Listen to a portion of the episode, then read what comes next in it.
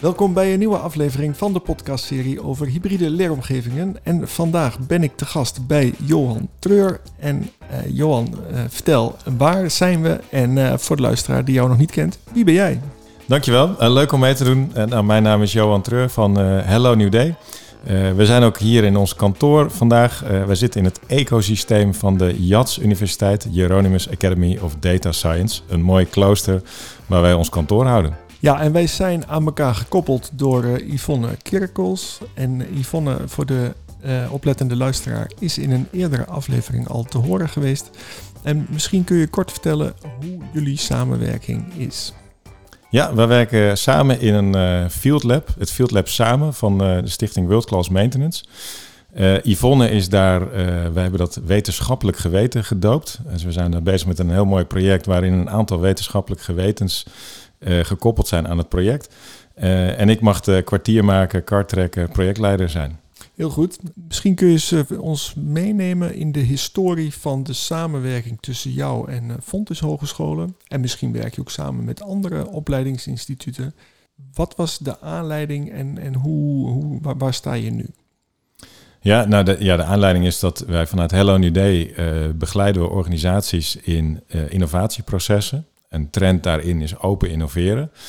Um, dus we, we, merken dat we steeds meer uh, bedrijven en organisaties helpen door uh, een, een, consortium te vormen, een samenwerkingsverband waarin partijen een vergelijkbare uitdaging hebben of een maatschappelijke opgave samen willen oppakken. Uh, nou, dan kom je ook heel snel op de, de toevoeging van kennisinstellingen daarbinnen. Um, nou, in, in het geval van uh, Yvonne was dat Field Lab samen, uh, waarin wij uh, Yvonne hebben gevraagd om als wetenschappelijk geweten te acteren. Um, misschien leuk voor de luisteraar om, om even kort te vertellen. We zijn daar bezig met het doorvoeren van smart maintenance, het toepassen van IoT-achtige oplossingen in de wereld van maintenance. Um, uh, dat deden we vanuit World Class Maintenance, of dat doen we uh, in een heel aantal samenwerkingsprojecten. Uh, waarbij het in eerste instantie heel vaak gaat om het exploreren van nieuwe technologie, nieuwe technieken, nieuwe methodes. En dat doen we dan in pilots en in zogenaamde living labs en proeftuinen. En wat een heel aantal van die partijen op een gegeven moment zeiden van ja, de, de pilot werkt. Um, de business case is aangetoond. Alleen op een of andere manier lukt het ons niet als organisaties om dit eh, in de keten uh, verder, sneller, breder uit te rollen. En we houden onszelf een beetje gevangen in, in allerlei uh, standaarden, methodes, contracten. Um, nou, ik heb dat destijds als een soort metafoor heb ik gebruikt van filevorming. De, de weg ligt er eigenlijk, maar we lopen vast. En toen zijn we met een consortium van uh, in eerste instantie 15 of 20 partijen zijn we aan de slag gegaan om te kijken van wat zijn nou die veroorzakers van die files. En nou, daar hebben we 21 drempels gevonden. En dat varieerde van technologische uh, issues. we, kunnen de data nog niet goed genoeg uitwisselen of we vertrouwen uh, dat elkaar nog niet toe. Uh, is het wel cybersecure? dat soort vraagstukken. Dat hebben we gedoopt de, de COP, Community of Practice Smart Data. we hebben een COP, Community of Practice Smart Business. Daar ging het dan om van, hé, hey, ja, er zijn winnaars en verliezers op het moment dat je met dit soort nieuwe innovaties aan de slag gaat. Hoe zorgen we er nou voor dat al die partijen in de keten, dat daar iets te winnen valt? Want op een of andere manier houden we elkaar ook een beetje tegen. Um, nou, dan hadden we, uh, ook zijn we daarmee aan de slag gegaan. Daar zijn ook een aantal uh, zaken, drempels benoemd, die ervoor zorgen dat we dus niet snel doorpakken. Nou, dat hebben we ook met smart work. Hè. Dus het, is zijn ook het, het, het, zit ook in allerlei werkprocessen. Het is een beetje IT, eh, met sensoriek, met data. Het heeft te maken met inkoop, het heeft te maken met maintenance, dus de operatie. er ontstaan nieuwe businessmodellen, nieuwe services. Dus het raakt eigenlijk alle facetten van bedrijven, allerlei processen. Daarmee is het van iedereen en daarmee ook weer van niemand. Dus dat hield partijen ook tegen. Ja, wie moet hier nou een besluit over nemen? En als laatste, maar dan niet het minste, mensen het is vernieuwing, het is innovatie. Dus het, het vraagt ook wel om uh, ja, verandering, verandermanagement. Uh, wat betekent dat voor mij? Wat betekent dat voor mijn baan? Moet ik gaan bijscholen, omscholen? Heb ik mijn baan straks nog? Dus dat hebben we gedoopt Smart People. Nou, in die vier communities hadden we, hebben we 21 drempels gedefinieerd... die ervoor zorgen dat we dus niet snel genoeg gaan in onze ogen. Um, en daar zijn we oplossingen voor gaan bedenken. Nou, die oplossingen zijn we gaan bedenken met werkgroepen uit de praktijk. mensen die bij al die verschillende bedrijven werkten. Uh, en daar hebben we ook de wetenschappelijk gewetens uh, aan gekoppeld. De een wat meer dus door de bril van de techniek en de, en de data. De ander wat meer door de bril van ondernemerschap en bedrijven. Nou, daar komt Yvonne om de hoek samen met haar collega Chris Malipaard. Uh, we hebben het ook vanuit meer ethiek en, en, en business-wise bekeken. de Jats Universiteit is, is betrokken, waar we hier nu zitten. Die zijn bezig met een simulatiemodel van hey, op het moment dat je nieuwe services gaat toevoegen, data gaat uitwisselen, ontstaan er nieuwe businessmodellen. En wat betekent dat nou? Uh, dus die zijn bezig met simulatiemodellen bouwen. nou, zo hebben we dus vanuit vier verschillende instituten hebben we ehm, ja, wetenschappelijk gewetens gekoppeld die helpen met enerzijds hoe pak je dit nu aan? hoe ontwikkel je zo'n kennisproduct? Welke literatuur is er al over beschikbaar die we kunnen gebruiken? studenten erbij, PhD's erbij. Ehm, en we zijn die verschillende kennisproducten die de oplossing moeten zijn voor die drempels, die zijn we ook aan het, uh, die willen we gevalideerd hebben. En dat doen we dan weer in inmiddels 11 living labs. Ehm, en in dat validatieproces helpen de wetenschappelijk gewetens ook weer om te kijken van hoe valideer je dit nu op een goede manier.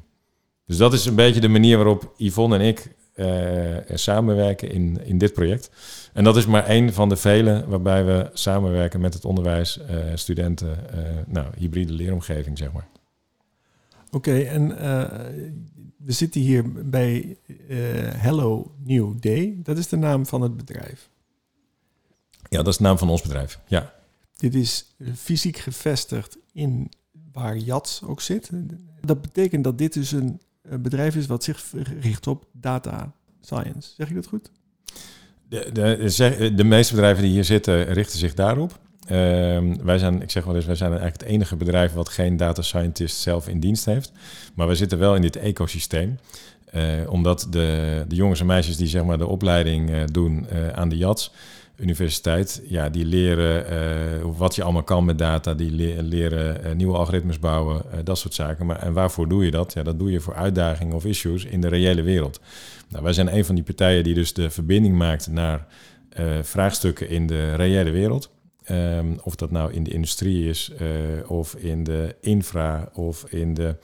Nou ja, we, we, we hebben allerlei soorten klanten, allerlei soorten sectoren. Uh, en regelmatig betrekken we bij, daarbij uh, studenten of professoren van, die, van de JATS. Ja. ja. En ik zie hier een stuk of tien werkplekken. Betekent dat jullie ook ongeveer tien man groot zijn? Of, ja, klopt helemaal precies. Heel goed. En um, als er dan zo'n samenwerking komt, als je nou eens eentje concreet maakt, want je hebt net een heleboel op hoofdlijnen verteld en dat ging best wel hoog uh, over uh, mijn hoofd in elk geval. Ik zou het fijn vinden om eens, om eens een concreet voorbeeld eruit te, te pakken. Kun je eens een voorbeeld gaan noemen van een bedrijf en studenten en docenten en, en jouw mensen? Hoe, hoe ziet dat eruit? Maar ook waar vindt dat fysiek plaats? Dat vind ik nog wel interessant. En um, ik wil in dit gesprek ook graag stilstaan bij het stukje begeleiding hoe, hoe gaat dat? Ben jij er dan veel bij betrokken? Of een collega en de docent? Maar ook het, op het eind van zo'n traject. Hè, eh, hoe lang duurt het? Maar op het eind, wie doet dan de beoordeling? Hè, dus een stukje fysiek, een stukje begeleiden, een stukje beoordelen. Voor de student die dat mogelijk wil gaan doen, wat kan hij dan verwachten? En voor de luisteraar die het nooit heeft meegemaakt, ja, dat hij er ook een beter beeld van krijgt. Ja, uh, mooie vraag. En eh, om hem concreet te maken, in het, in het Field Lab wat ik net schetste, uh, daar, daar wordt eigenlijk door studenten en door de onderwijspartij wordt het een beetje gezien als een soort grote snoeptrommel van. We hebben dus 21 issues gedefinieerd die ervoor zorgen dat we smart maintenance niet goed uitrollen. Um, nou, op het moment dat je interesse hebt of je bent, je bent onderzoeker in het gebied data science, dan kun je dus meewerken aan het bouwen van zo'n simulatiemodel. Uh, onder begeleiding van een professor en uh, onder begeleiding van een aantal bedrijven die daar dan aan mee willen bouwen. Uh, op het moment dat je wat meer in het, in het ondernemerschap geïnteresseerd bent of in bedrijfskunde en je zoekt het in de bedrijfsprocessen, dan kun je weer in zo'n community of practice, wat wij dan gedoopt hebben, smart work, kun je onderzoek doen bij bedrijven naar hoe werkt het hier. Nou, heb ik een heel mooi voorbeeld van een PhD van de TU Eindhoven die heeft bij ons in het Field Lab in, bij een waterschap onderzocht van hoe werkt het planningsproces van een uh, maintenance afdeling hier. Uh, nou, die heeft daar uh, in zijn PhD-onderzoek is hij daar mee bezig en die heeft daar dus onderzoek bij het waterschap gedaan. Hoe werkt dat dan? En bij een waterschap gaat het over, dat noemen ze kunstwerken, hè, een, een, een sluis of een brug. Dat zijn bijna allemaal unieke objecten. dat noemen we ook kunstwerken. Dus dat vraagt nogal wat inhoudelijke domeinkennis. Nou, daar werd bijvoorbeeld, op een gegeven moment kwam het woord gilde daar voorbij. Van het lijkt bijna wel op een gilde, want je moet zo'n expert zijn om dit te kunnen doen. En het aardige is dat er dus nu ook een afstudeerder uh, in diezelfde uh, omgeving van de TU, die is uh, bij een van de andere living labs van Equans, de voormalige NG Services. dus die doen heel veel onderhoud op verschillende soorten objecten bij hun klanten, in fabrieken, maar ook in de gebouwde omgeving, et cetera.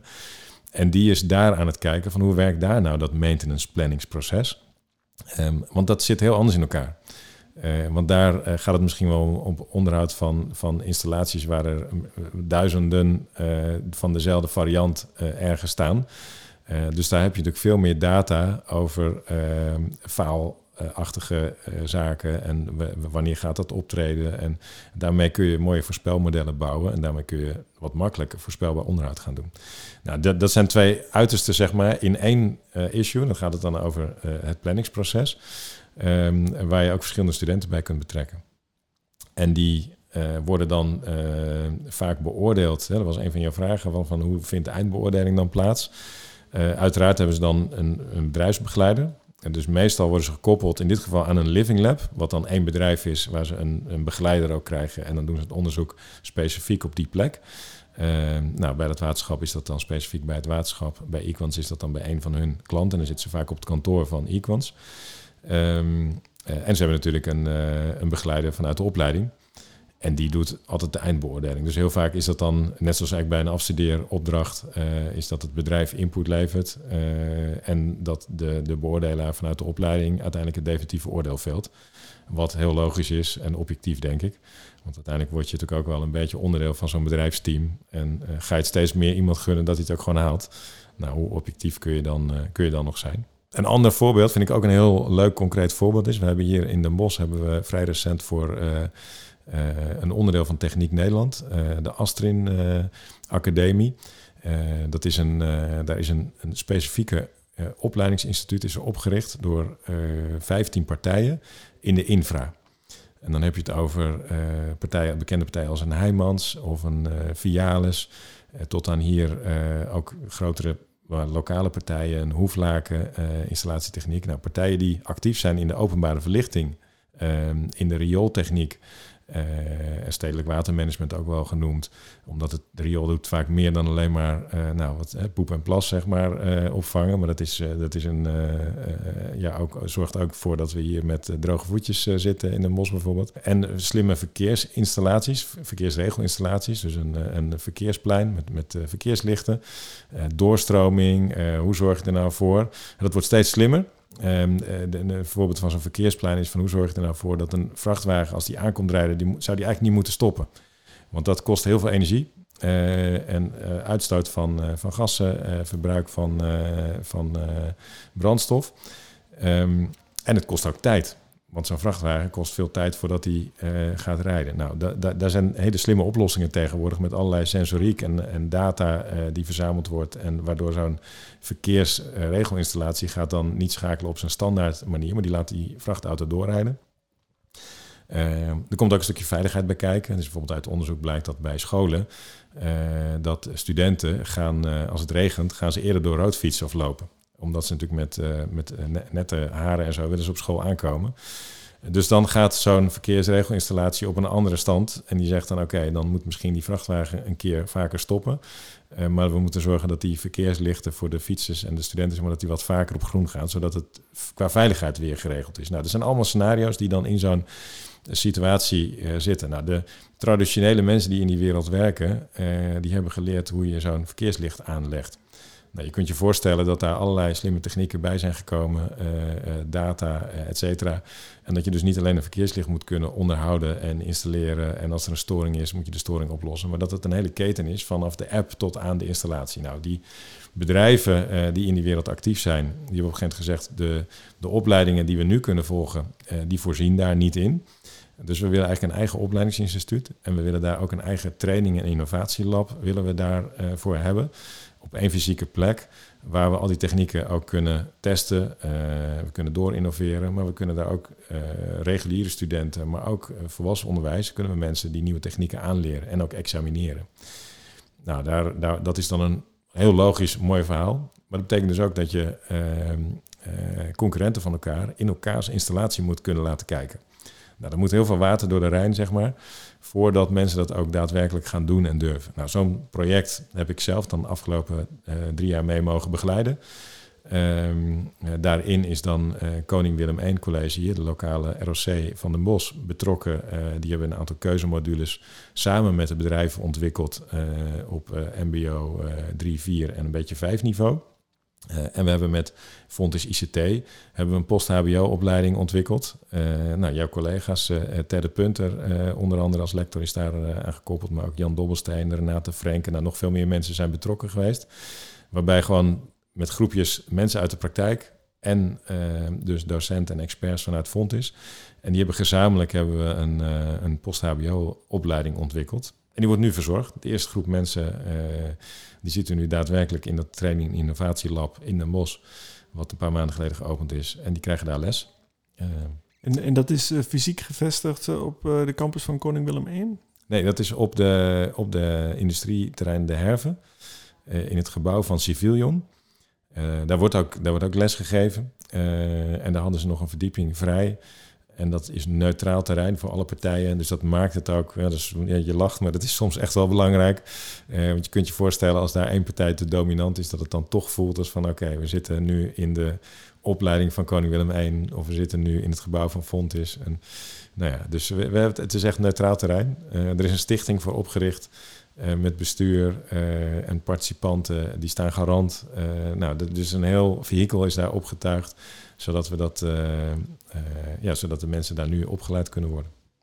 Want de meeste hybride leeromgevingen waar we tot nu toe over gesproken hebben, die hadden vooral uh, op HBO-niveau de, de content die verzorgd werd. Maar in dit geval is het dus MBO en HBO samen. En een beetje universiteit misschien wel, omdat ja. je ook PhD-kandidaten noemde. Ja, die PhD-kandidaten zijn in dit geval niet betrokken. Dat was Field Lab samen. Ander Field Lab, andere context. Dit is dus een heel ander project, andere uh, organisatie ook. Maar dat is inderdaad op MBO, HBO-niveau. Uh, met als doel ook om een soort doorlopende leerlijn te creëren. Uh, en dat dat ook een logisch vervolg is. Dus je ziet ook dus in de voorbeeldcases die we hebben gemaakt, uh, dat de, de, mensen vanuit het post-HBO, die moeten erover nadenken, hoe kun je nou in een fictieve stad uh, een, een, situatie ontwerpen. Um, maar die principes die zij in die ontwerpen hebben bedacht, die proberen weer in het MBO-deel te verwerken van ook hoe installeer je dat nu? En als er een storing is in dit verhaal, hoe ga je nou zo snel mogelijk komen tot waar zit die storing? Want dat maakt het complex in die smart technologie. Het kan in de hardware zitten, het kan in de software zitten, het kan in de verbindingen zitten, het kan overal zitten. Maar belangrijk is dat je snel detecteert waar het zit.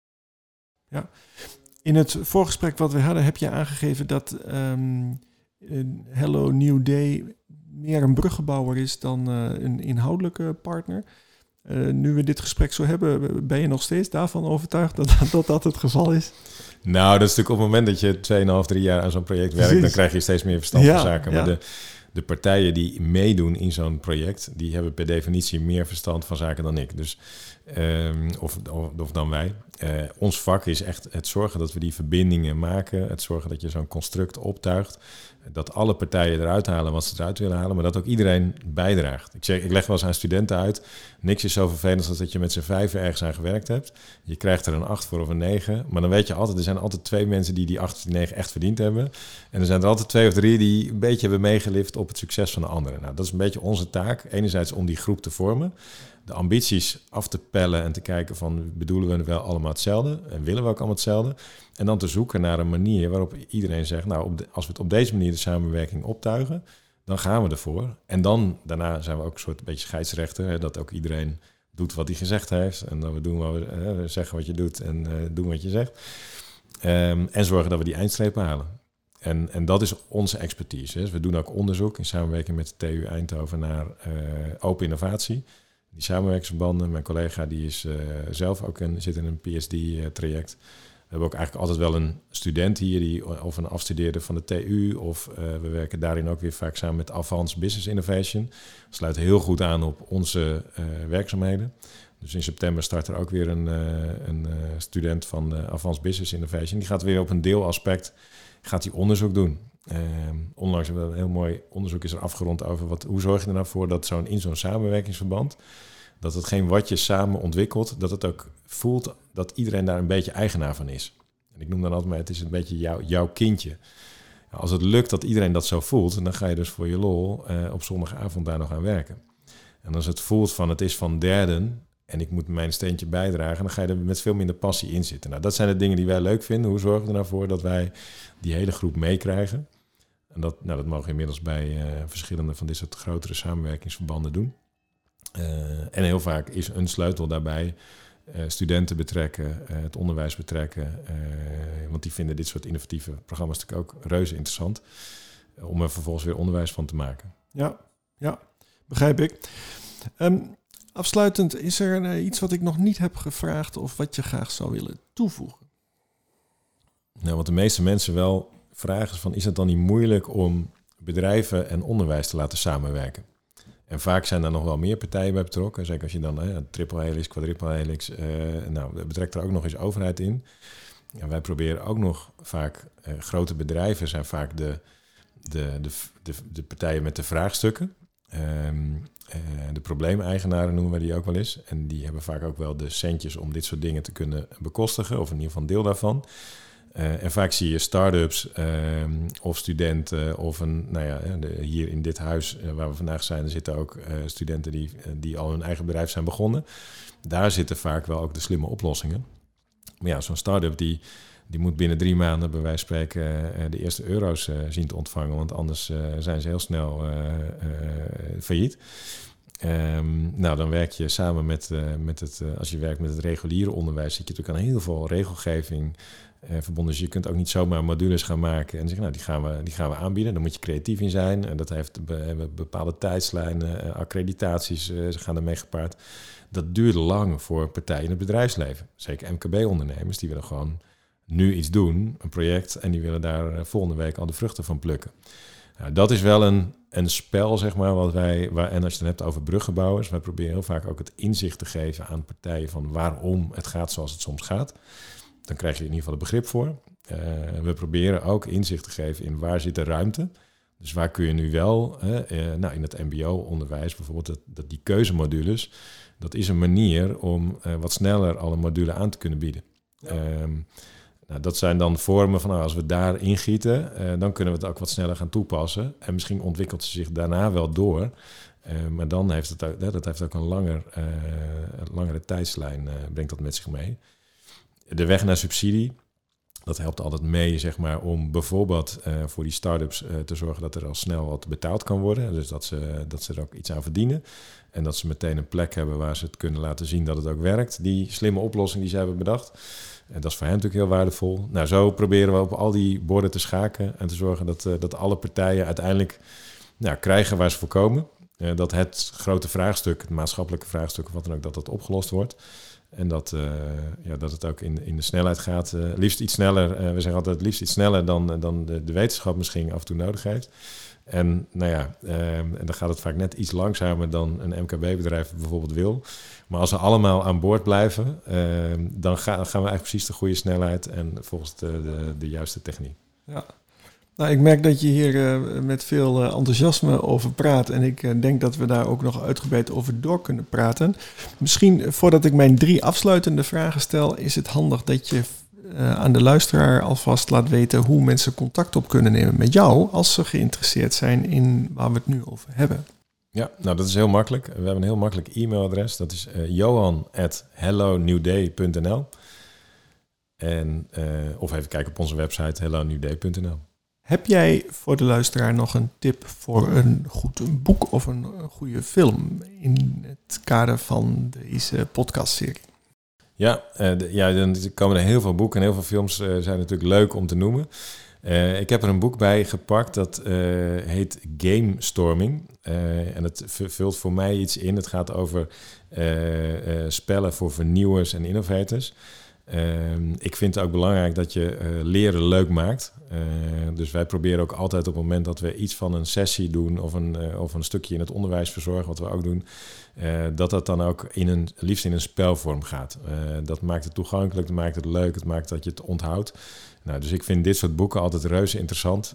als het gaat om hybride leren, heb je natuurlijk docenten ook uit het werkveld ja, die heel veel weten van een vak die willen daar graag over vertellen. Maar maak het alsjeblieft leuk, want dan wordt het ook interessant voor die studenten. Ja. Um, nou, en dat ook, uh, ja, probeer ook challenge-based-achtige learning te doen. Dus dat het ook een uitdaging wordt om het te doen. En laat de groep het zelf ontwikkelen en, en bedenken. En nou, dat, dat zit hier uh, in verwerkt. Dus dat is een heel leuk boek. Heel goed. En is er nog een podcastserie waar jij vaak naar luistert? Ja, um, uh, ook de, niet, niet heel uh, spannend, uh, maar wel altijd weer een eye-opener. ik ben een fan van Ben Tichelaar.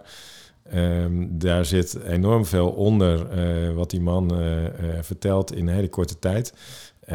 het, het triggert, de essentie komt in een half uur naar boven van, van literatuur die, die al tientallen jaren oud is vaak, maar nog steeds heel goed.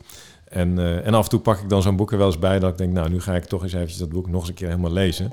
Uh, want hij heeft me toch weer getriggerd. Dus uh, ja, ik zou zeker de podcast van Ben Tichelaar aanraden als je bezig bent met vernieuwing, met, met het bedrijfsleven goed te snappen en die verbindingen maken.